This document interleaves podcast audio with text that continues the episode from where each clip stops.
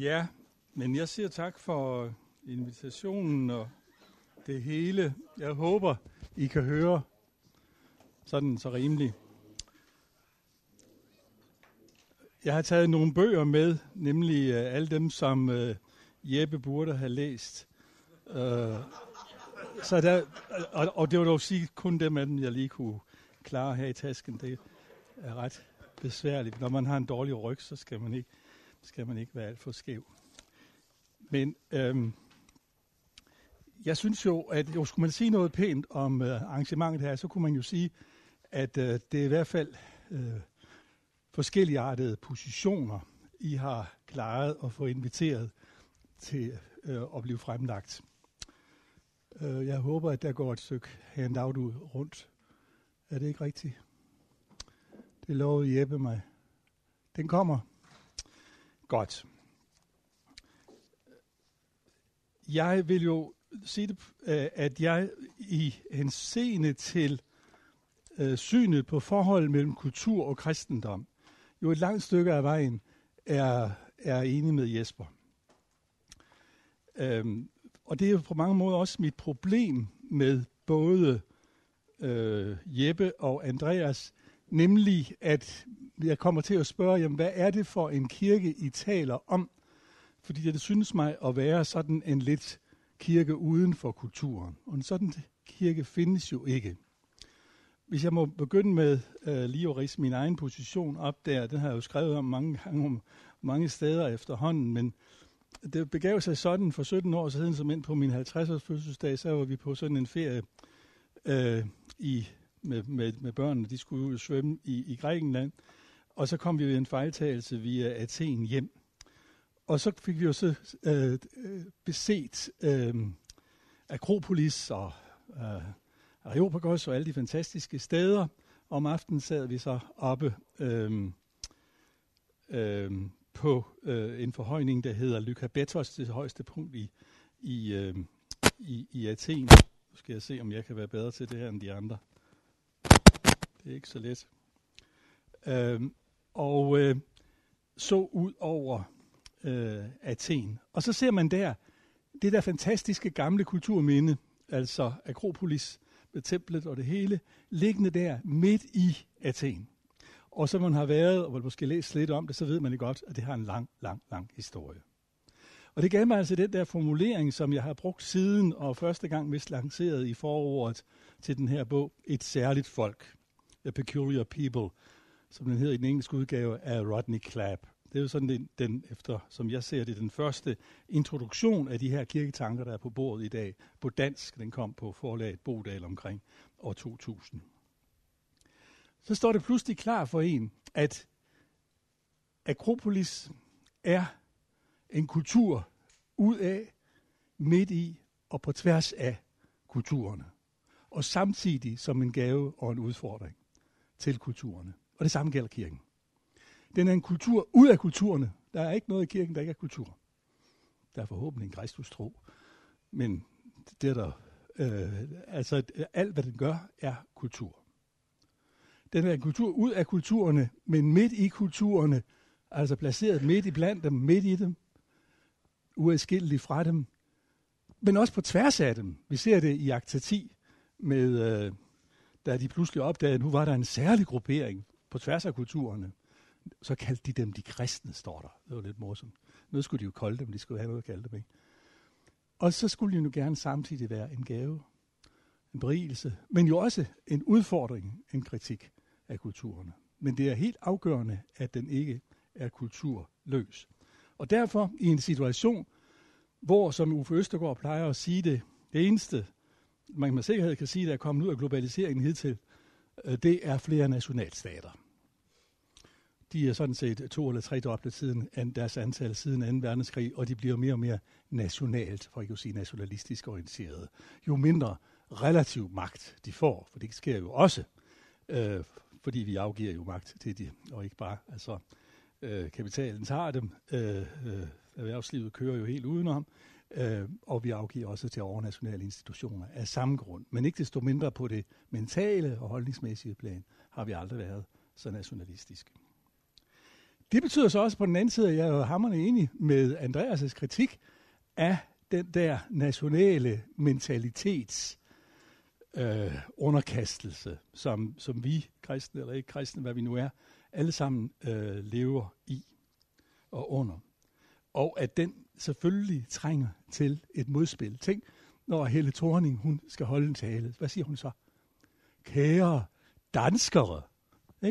Hun, kan ikke, hun kan ikke sige kære medmennesker, eller kære medborgere, eller et eller andet. Nej, nu er vi alle sammen danskere. Hvorfor? Ja, fordi det er det, der er gods i politisk. Ikke?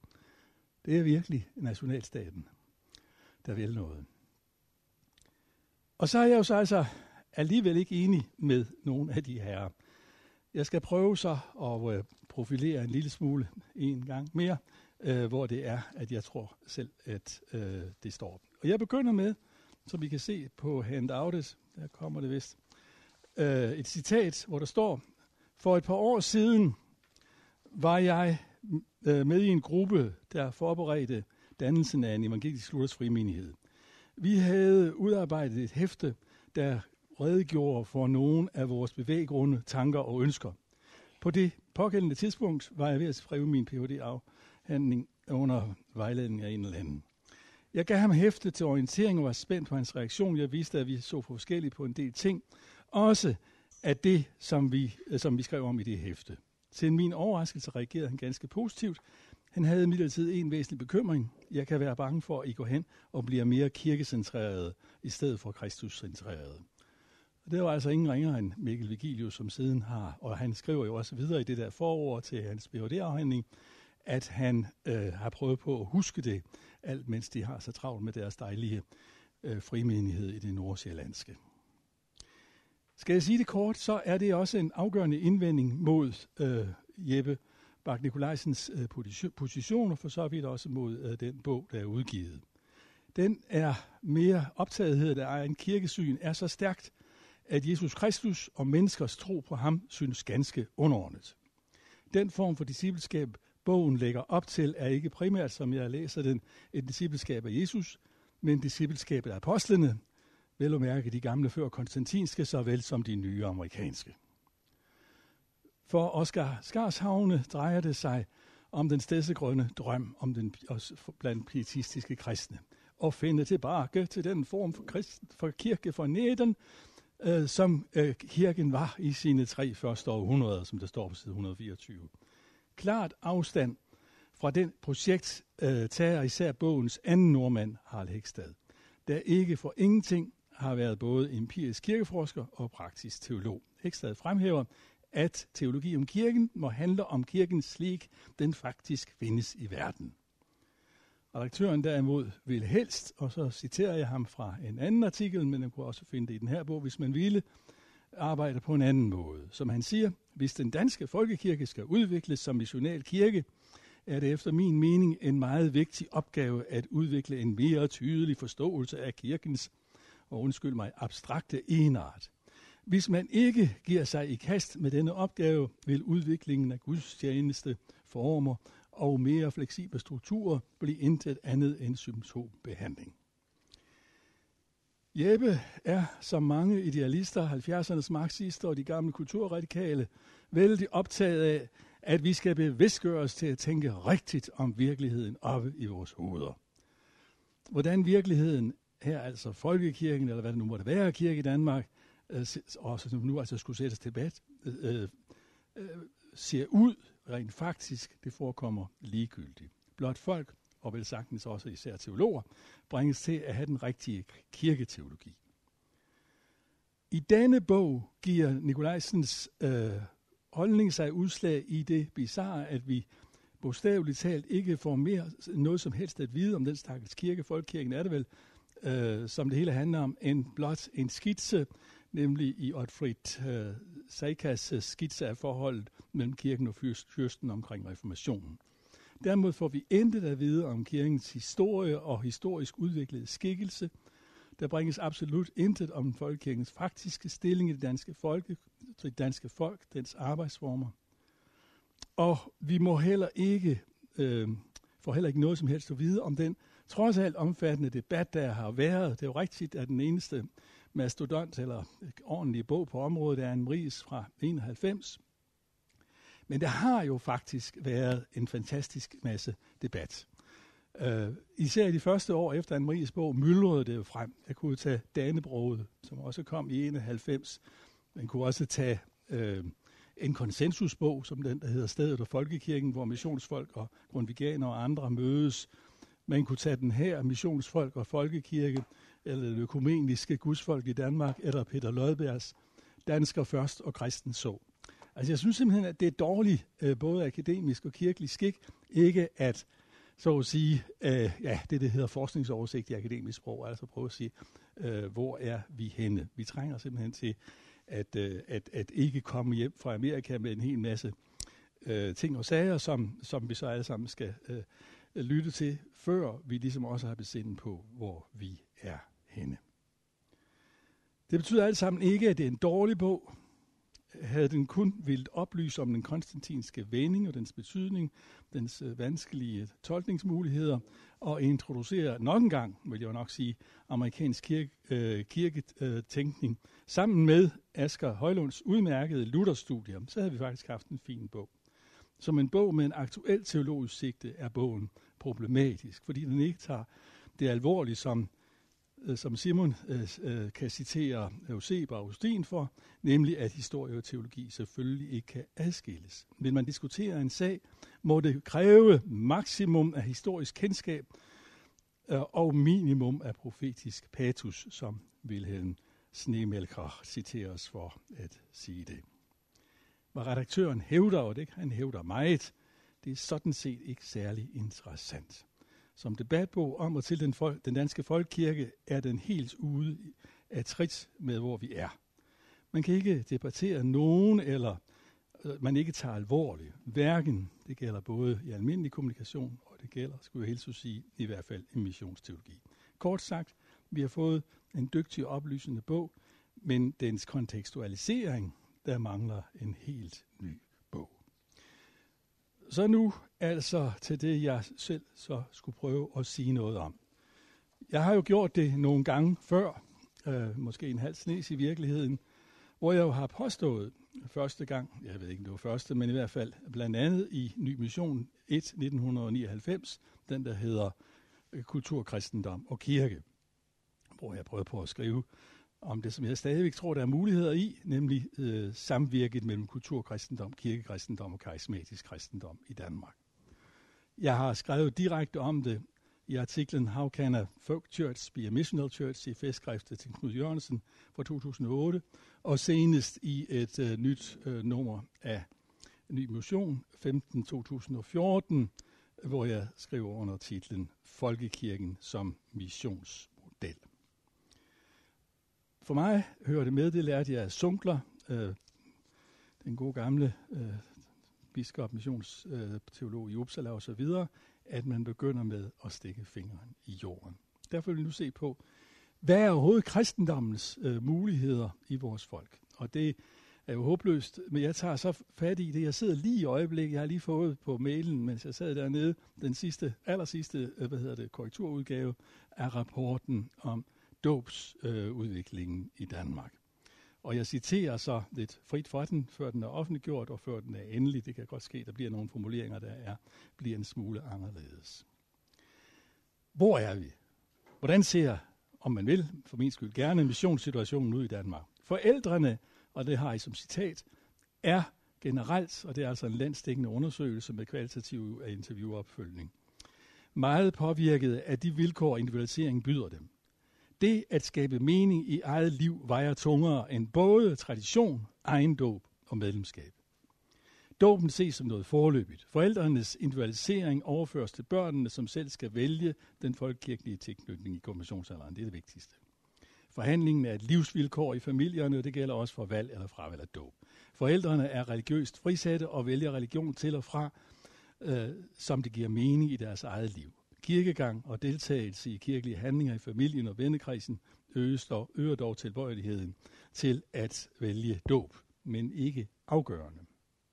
Forældrene er generelt positive over for folkekirken, som har været en tilbagevendende del af deres opvækst. Deltagelsen i kirkelige aktiviteter, som for eksempel det at følge børnene til kirkekor eller babysalmesang osv. osv.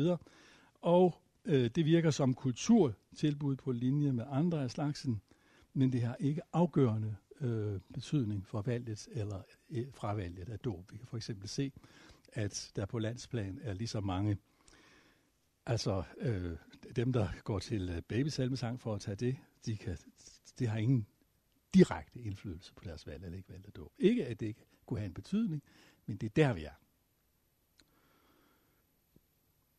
Det er en radikal situation at gøre kristendommen gældende i. Folk er først og fremmest optaget af deres egen eksistens, deres egen tro, som de tit kalder det, og fordommen om, at de skal være ægte og autentiske og tage vare på deres eget liv.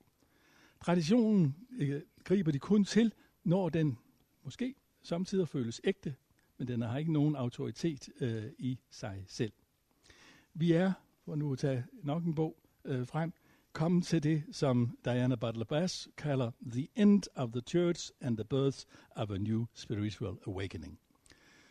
Det er den folkelige diagnose, den kulturelle diagnose, og så får vi så at vide, at vi skal bare, undskyld mig, puste kirken op, så skal det nok gå alle sammen.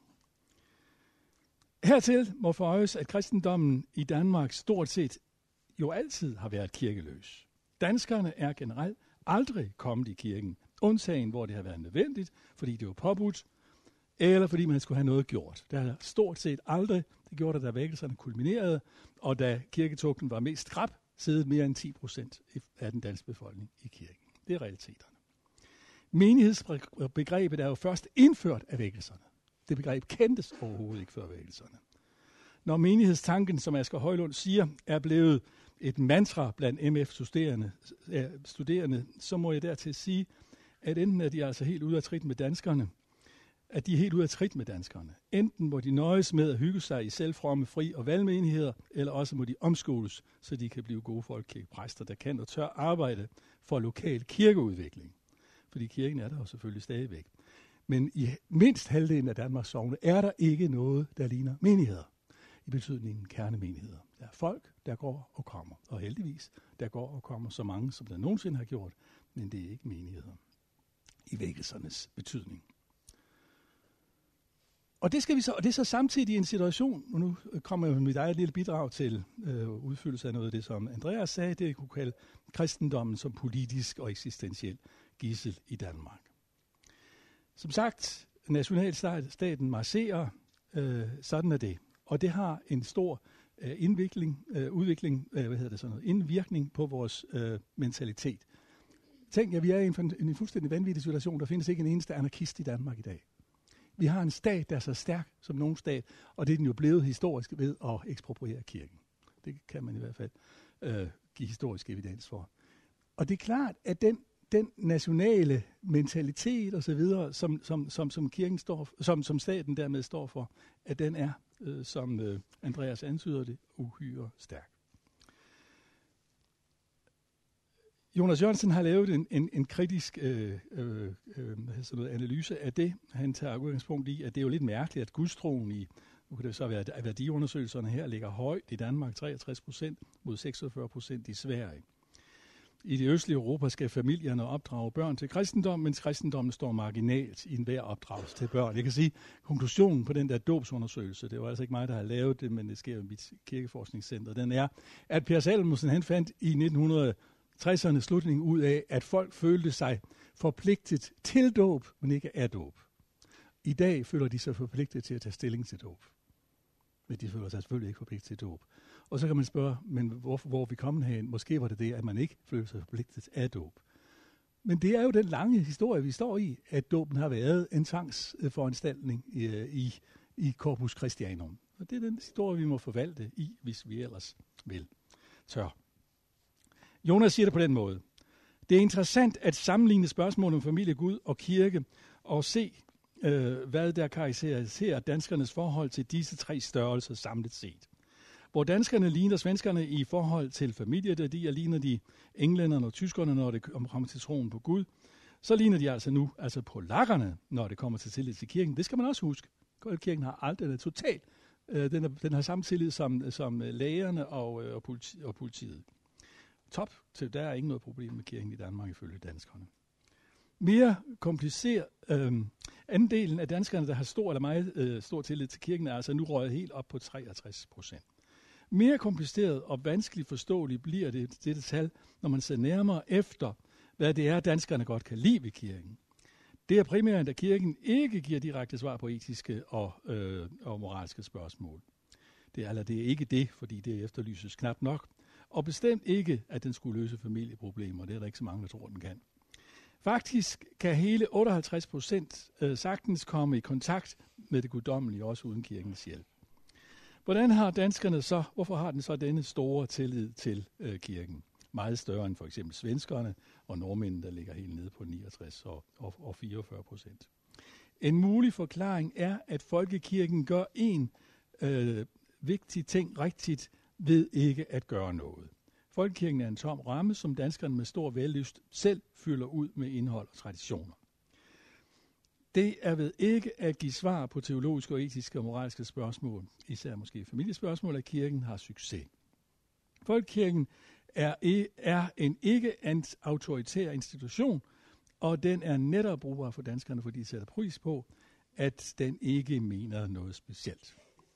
Denne forklaring vil passe med den manglende sammenhæng mellem familieværdier og Guds tro.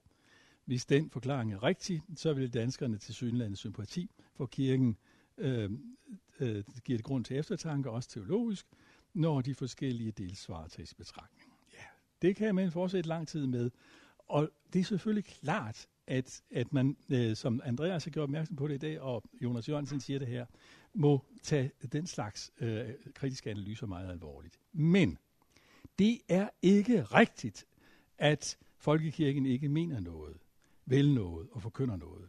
Tværtimod er der masser af evidens for, at folkekirken har skærpet sin kristne profil i sine mange aktiviteter gennem de senere år. Den forkynder ganske enkelt Kristus og ham som opstanden. Hvad er dåbsforældre, hvad, hvad for eksempel dåbsforældre er optaget når de får deres børn dåbt, er imidlertid ikke primært Kristus og kristendommen. Det kommer i anden række. Vi har øh, i den øh, øh kvantitative undersøgelse og repræsentative undersøgelse spurgt og givet nogle forskellige muligheder, og hvad peger man på? Og det her, det er altså øh, et spørgsmål mellem øh, sendt ud repræsentativt til alle danske forældre, der har hjemmeboende børn under 18 år. Og de svarer så, jamen det er jo familietraditionen, det er jo også fordi, at, at barnet skal have et navn, øh, og det er jo da også en lille bitte smule det der med, at vi skal jo også være danske. Men det er ikke særlig meget noget, der med kristendommen at gøre, som vi kan se. Sådan ser den eksistentielle situation ud, hvis man heller, ja, men hvad skal vi stille op med det? Det hjælper med, næppe meget at diskutere, om kirken er national eller ikke national. Men derimod hjælper det, tror jeg, at arbejde inden for kirken, med kirken, med dåb og oplæring. Lettere bliver det heller ikke af, at flere og flere øh, melder fra til kirkens barndåb. Og vi er altså, som, som sagt, nu under øh, øh 65 procent, og det går hurtigt nedad. Øh, vi er på vej op imod 2 procent nedad om året. Og hvorfor? På grund af den der individualisering. Du kan kun få barnet døbt, hvis du føler det. Og du skal helst føle det mere, end din ægtefælle føler den anden vej. Hvis du føler det meget stærkt, skal barnet døbes. Men der er ingen, altså traditionen er væk. Den kan bruges, men du skal føle for den.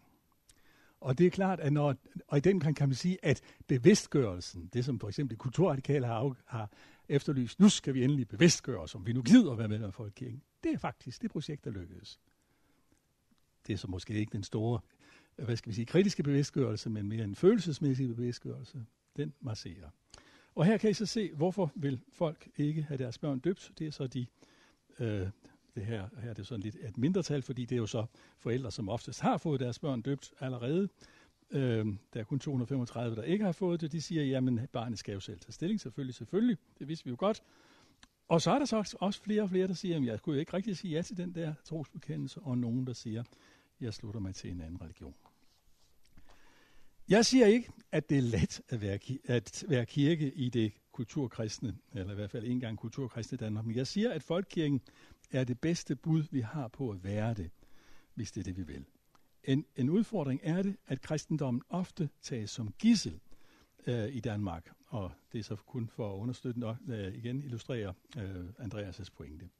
I valgkampe og kampagne mod EU, politik, så bruges folkekirken og dens bygninger øh, i det 21. århundrede her nu ofte jo som værdipolitiske symboler. Skal man mobilisere folk, fordi EU har bestemt noget med virkninger i Danmark, som man ikke kan lide, så kan man jo føre en kampagne med et stort billede af et blåt EU-flag uden for en hvid og rød dansk middelalderkirke.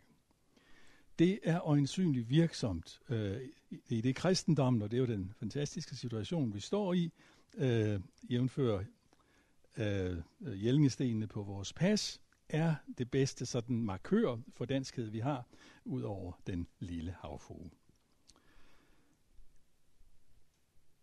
Med den højere grad af synlighed af indvandrere med ikke kristen baggrund, som vi jo heldigvis synes nogle af os jo har fået siden 1990, er det blevet mere og mere almindeligt at påberåbe sig i Danmark særlige kristne kulturarv i politisk øh, henseende. Og vi har jo haft øh, aktuelle eksempler på det, og det ser ud til, at den øh, politik kun skærpes. Den måde at bruge kristendommen på kun skærpes. Hvad der udtrykkes bestandt på den politiske scene, finder man også om en lidt mindre profileret i minimands danske mentalitet. Igen er der tale om en historisk arv, som sætter sig igennem på nye måder under nye samfundsmæssige vilkår. Ofte er reaktionen kirke, øh, på kirkelig forkyndelse i Danmark, jamen vi er jo alle sammen kristne, altså præster og hvad de nu er, behøver sådan set ikke at gøre sig ulejlighed. Det her er et citat fra en øh, københavnsk øh, shippingmand i 30'erne, og det er fra den der bog, vi kaldte I hjertet af Danmark om danskernes mentalitet fra 2008. Vi er jo et kristent land, men vi er jo ikke dem, der render ned i selve kirken og hører på en præst, der fortæller om selve religionen. Kristendommen er ligesom de ti bud. Det er jo mere end, hvad, øh, det er jo mere end bare det, at det er en Guds ting. Det er, jo den, det er jo hele den måde, vores samfund er bygget på. Ligesom andre religioner, hvor du øh, må have flere koner. Det må du ikke i Danmark. På den måde, så synes jeg jo også, at jeg er kristen. Jeg har kun en, en af gangen i hvert fald. Fordi jeg lever jo den kristelige vej.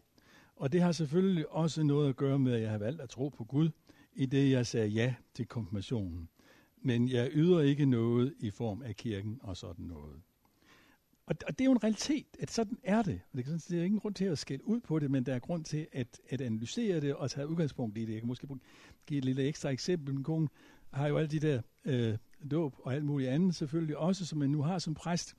Og så kommer hun ud til den der meget, meget sædvanlige familie, hvor en af dem, det var så selvfølgelig nok igen, faren var ikke medlem af Folkekirken, men så havde han et kæmpestort guldkors på, på maven. Og så siger hun sådan lidt til ham, det var da godt nok et dejligt kors, du, du har der. Det, det er måske fordi, du gerne vil øh, signalere, at du er kristen. Nej, siger han så, det ved jeg ikke, men jeg er dansk. Og det, jamen, jamen kære venner, altså et flag, det har jo også et kors, og det er jo også dansk, ikke? Altså, så, sådan er det i Danmark, og på mange, mange måder, jeg har fortalt jer det før, så håbede jeg, da jeg var meget ung og grøn, at jeg kunne have blevet Masai-missionær, så var man fri for sådan noget ævl. Øh, men altså, det er, og det er den der, det, det er den faktiske missionssituation. Det er den situation, kristendommen skal gøre skældende i Danmark. Og det er den situation, vi har, og vi har brug for at arbejde meget mere med. Kristendommen, og det vil jeg så gerne øh, sige, det har jeg så lært godt og vel siden, og ikke mindst af David Boss og andre kloge mennesker, Transforming Mission. Kristendommen kan i lige grad gøre skældende for et hvert folk. Det er bare et spørgsmål om, at vi andre er for dumme. Jeg troede, jeg kunne bedre finde ud af det blandt messiaherne, men, og det, det kunne jeg måske også, selvom det havde sikkert heller ikke haft så lidt med. Øh, det er nok bedre til selv. Men, men altså, det, det er et spørgsmål om øh, at arbejde missionarisk. Så vil jeg dog også sige, og jeg kunne sige meget mere end det, men nu kun, jeg er jo ikke plads til det, noget positivt om Folkekirken. 20 års økumenisk udvikling i Folkekirken. I 1993-94 brugte jeg som repræsentant, jeg tror nok dengang det var for samvirkende menighedsplejere, øh, eller også var det DMS, mange timer i et udvalgsarbejde, der førte frem til dannelsen af et tværkulturelt center. Interessen var ikke den store, bortset fra nogle ihærdige missionsfolk, nogle meget internationalt orienterede aktivister, det var måske blandt andet mig selv, og så nogle solide tidligere ydermissionærer. Vi stod i en dobbeltfront. På den ene side blev vi presset fra en ekstrem luthersk konfessionalisme, som især blev repræsenteret af derværende indre missionær Kurt Dalsgaard. Vi skulle helst sværge på i hvert fald den dobbelte udgang, og jeg ved ikke, hvor meget andet, før vi kunne samarbejde overhovedet. På den anden side var der stor skepsis i folkekirken, for de indvandrere, der ikke var muslimer, øh, de var måske nok en slags kristne, det sagde de jo da, men de var i hvert fald ikke danske lutherske kristne. Så hvad skulle vi bruge tid til det for? I dag er begge disse antiøkumeniske standpunkter stort set forsvundet i folkekirken, som er blevet både konfessionelt langt mere åben og etnisk og kulturelt langt mere mangfoldig. Og det skyldes jo blandt andet nogle mennesker, som har arbejdet ihærdigt med det på, på græsrodsplan. Vi kunne jo så, når vi nu er ved det, nævne sådan en klog og dygtig pige som Birke Munk Færwood. Min opfattelse er, at folkekirken har bevæget sig fra at være en luthersk nationalkirke til at være en nationalt præget, økumenisk åben kirke med luthersk baggrund i løbet af de sidste 20 år. Det er ikke så ringe.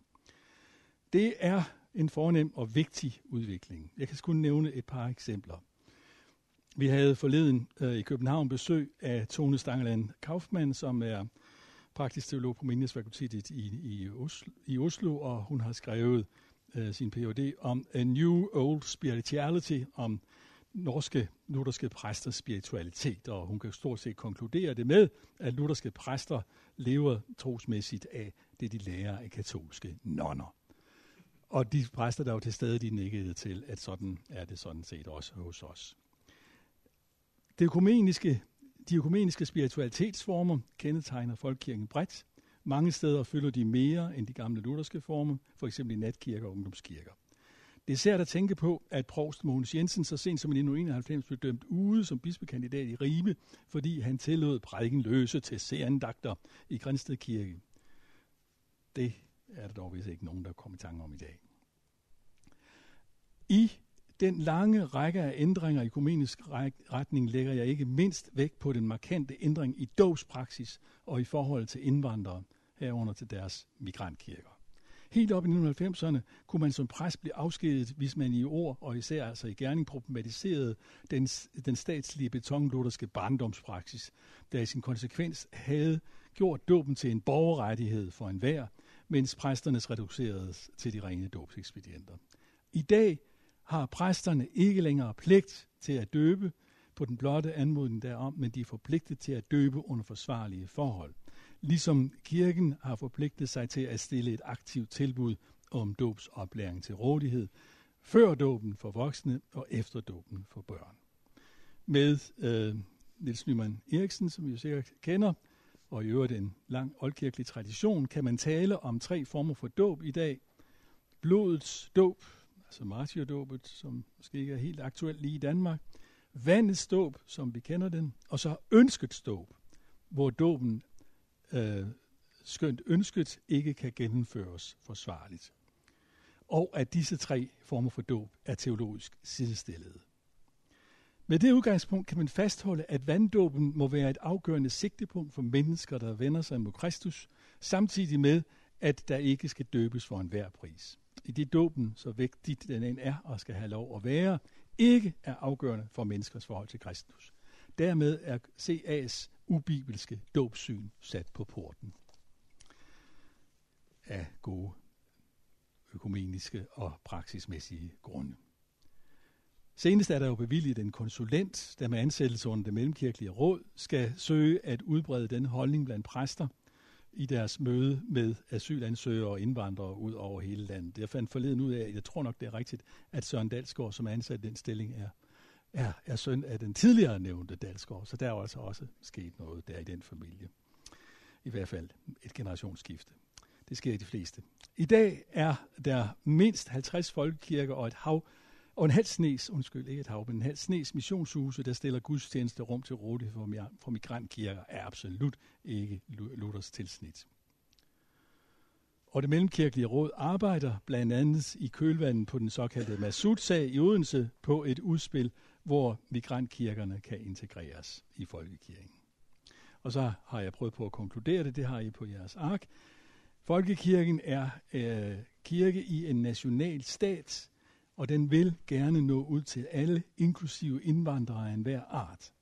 Selvom der er mange gamle statskirkelige idiotier i folkekirken, for eksempel er det forbudt at bruge penge til mission uden for stiftets grænser, og det er forbudt at have dobbelt medlemskab, det er jo fuldstændig gakkelak øh, statskirkelig, så er øh, folkekirken ikke længere hverken, som jeg selv har sagt det for 20 år siden, en bestand stammekirke eller en nationalistisk statskirke. Den den der diagnose skal vi have med, og den mangler i bogen National Kristendom til debat. Og så, og nu er tiden jo ved at være gået, det var den inden jeg kom i gang næsten, men altså øh, en kort øh, bemærkning, det er det, som jeg arbejder selv meget med i øjeblikket, altså øh, det paradigmeskifte, hvor nogle af os jo taler om, at vi er kommet til the participatory turn. For nogle år siden var det nogen, vi er kommet til en sproglig vending, alt er i sproget, og i dag vil mange af os at sige, alt er i deltagelsen. Der er kun én vej til at blive kristen, det er at deltage i kristendommen. Og det er jo det, det, det fantastiske, at, at øhm, kirken jo nu i dag, det find, altså på den ene side, så øh, er jeg meget kritisk over for den der oppustede amerikanske eklesiologi, som vi nu pludselig skal falde på halen for. På den anden side, så skal man fuldstændig klart se i øjnene, at kirken er ikke alene hofleverandør, men den er ene leverandør til det danske folk af muligheder for kristen praksis og indøvelse, og dermed reelle muligheder for at blive kristen. De første 200 år efter øh, reformationen øh, var det hjemmene, der var hovedaktør. Bevares forkyndelsen, der kom ikke så mange, og derfor havde Luther jo sørget for, at den lille katekismus her skulle bruges i hjemmene. Det synes pietisterne ikke havde virket, så øh, udnævnte de konfirmationen og i, sammen med den skolen. Og sådan har det været knap 250 år, at altså det flyttede fra hjemmet, og det flyttede så til skolen som hovedleverandør, hovedmulighedsgiver øh, for, at mennesker kunne blive kristne. Og det blev de jo i stort omfang. Selv hverken missionsfolk eller, eller, eller, eller tidværsfolk har jo præ- kunne prædike kristendommen ud af, Danmark, af danskerne, fordi de havde jo lært i hvert fald en halv hundrede salmer i skolen, og de havde lært deres fadervor og deres øh, trosbekendelse. Det er det, der ikke sker i dag. Og det eneste sted, det kan ske, det er i kirken. Så i den forstand er vi jo i en radikal krævende situation for kirken. Og der lægger sig der til det forhold, at vi ikke har øren at høre med. Han har sagt, selvfølgelig har vi ikke det, med alt det, der bliver proppet i vores ører morgen, middag og aften. Vi kan kun lære gennem participation. Vi kan kun lære gennem indøvelse. Gennem at gøre det selv gennem at gå ind i spiritualitetsformer. Og det er jo det, kirken forsøger masser af steder, fra babysalmesang og you name it hele vejen, at invitere folk ind i den slags øh, spiritualitetsformer.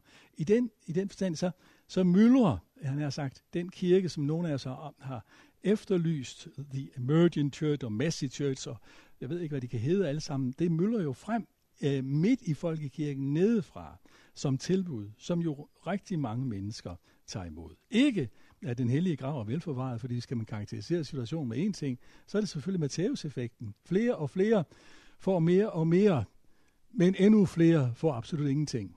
Ikke? Altså det, det er den øh, situation, vi står i i dag. Man kan blive guldkristen i folkekirken, hvis man starter som babysalmesang. Der er nok at blive kristen af, bare kom i gang.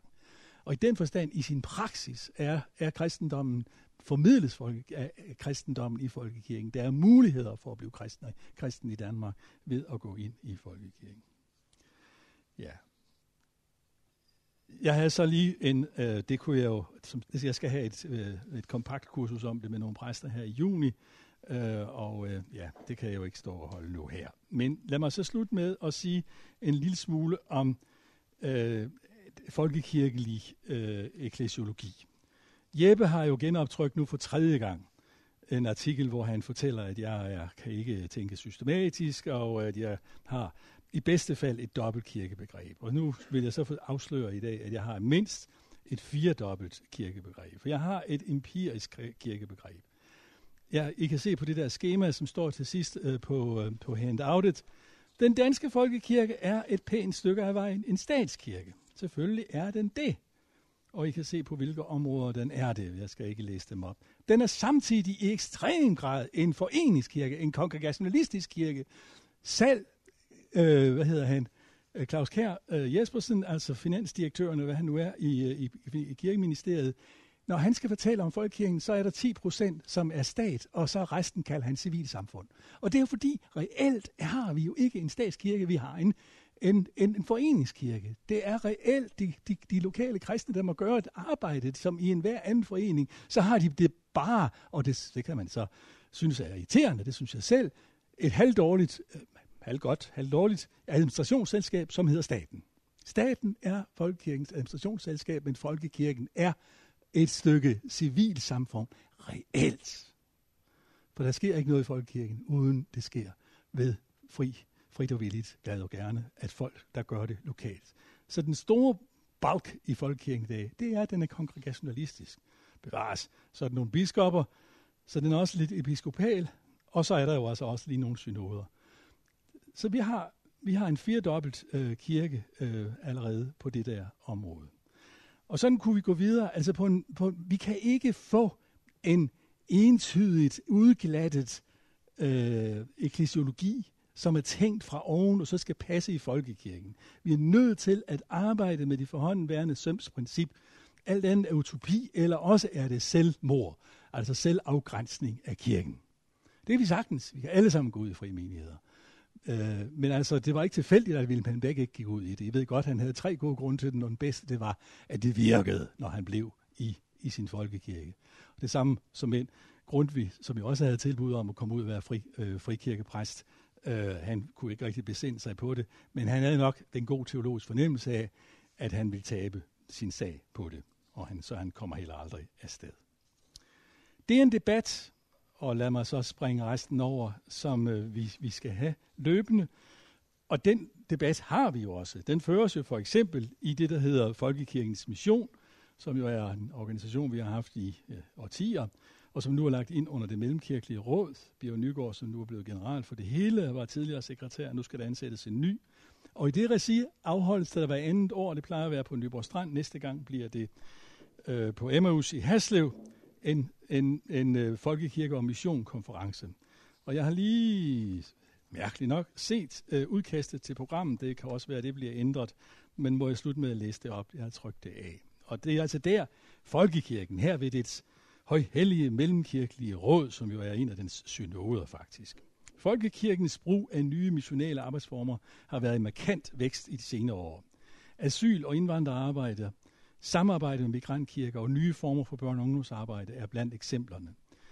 Nogle af arbejdsformerne er inspireret fra kirker i ind- og udland, der i den sammenhæng fremstår som frikirker uden nationale og statslige bindinger. På Folkekirkens Missionskonference 2016 vil vi lukke op for inspirationen begge veje. Det er på tide, at vi frem, fremhæver nogle af de arbejdsformer, der er udviklet i gamle kirker som Folkekirken, der jo lige så fuldt lever i den moderne verden, som frikirkerne gør det. Vi skal blandt andet spørge, hvad er det gamle kirker, som nu Folkekirken her under Nationalkirke, stadig kan og måske kan bedre end frikirker? Er der punkter, hvor gamle kirker nødvendigvis må være mindre missionale end frikirker? Hvad kræver det, når gamle kirker skal fungere missionalt? Hvordan kan man skabe bedre forudsætning for det? Vil det missionale i, øh, missionale i, i gamle kirker over tid opløse det etablerede ved dem. Hvordan vil samspillet mellem kirkekristne og kulturkristne øh, udvikle sig, når gamle kirker bliver missionale? Hvilke elementer fra den missionale teologi og den sprog og praksis øh, kan man udvikle, så de kan bruges i de gamle kirker? Dagsordenen er sat. Tak.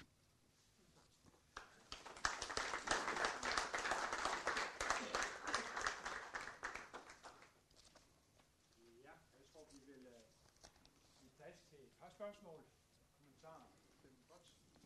Hans, du var inde på det der med den gamle domspligt. Ja. Ja. Ja. Ja. I den hørte jeg allerede dengang, at præsten havde, havde ret til en samtale. Men jeg vil godt spørge dig om, øh, det du siger, hører jeg jo som, at folkekirken har afskaffet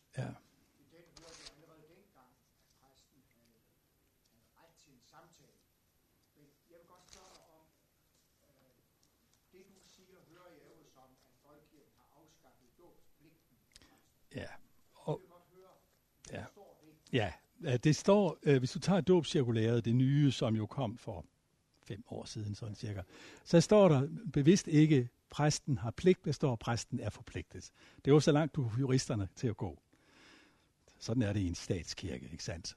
Men så udgav biskopperne en vejledning, og der står der op og ned og dørstolper, at nu skal du tænke dig godt om, Pastor Petersen, og du kan altid snakke med din biskop, og du kan altid lave et undervisningsprogram. Og så er det jo så yderligere nu skrevet øh, i gåsøjen med, at, øh, at der jo er fuldstændig konsensus, som jeg oplever det i Folkekirken, om det Nils Nyman Eriksen gør. Hvor han jo virkelig øh, opstiller et katekomunat, altså et halvt års, mindst et halvt års indføring. Det er det, som biskopperne nu har fået kirkeministeriet til at afsætte penge til, at Søren Dalsgaard skal gå rundt og undervise i, i folkekirken. Så der er altså virkelig sket noget, og, og heldigvis, ligesom vi skulle lære muslimerne, så har vi, så har vi også lært det af, ja, ja, det er jo sådan set også mange af dem er muslimer, der bliver, der, der, der, der er altså flygtninge og andre, som bliver omvendt, ikke sandt? At, at det kræver altså et katekomunat, ikke? Og det næste, altså det som øh, Niels Nyman siger, altså det som når han, eller ja, det er nu især øh, de, nogle af de, mine kolleger, der arbejder, hvad hedder, laver feltarbejde øh, i, i hans arbejde, det de siger, det er, at de der øh, folk, og det er jo rimelig mange, der bliver omvendt i Apostelkirken i øjeblikket, eller i gåsøjne bliver omvendt, de vender sig til Kristus. De vender sig ikke til kirken. De ved, at de skal bruge kirken. Hvordan skulle de ellers blive kristne? Hvordan skal de holde fast på deres kristendom? Men det er Kristusomvendelse. Og det er for mig altså noget af et, et håb, at, at og som jeg læser danskerne, så er vi også ved at være så tilpas langt væk fra, det kan godt ske, at vi stadigvæk har den der færnes, jeg er jo kristen, jeg har kun én kone osv. Øh, men, al, men alligevel således, at, at, at, at der er ved at være plads til omvendelse, også i Danmark i dag. Altså blandt almindelige gamle danskere.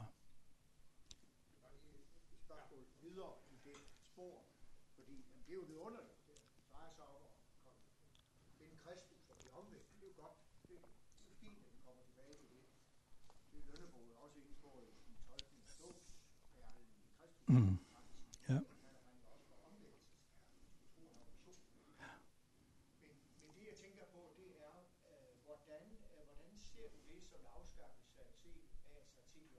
Ja, det er, fordi, det, fordi det er simpelthen, at vi nu kan sige højt og sige til indvandrere, dit ønske om dåb til Kristus er lige så god som dåb til Kristus. Når der står i CA, at, øh, at øh, det er mere eller mindre...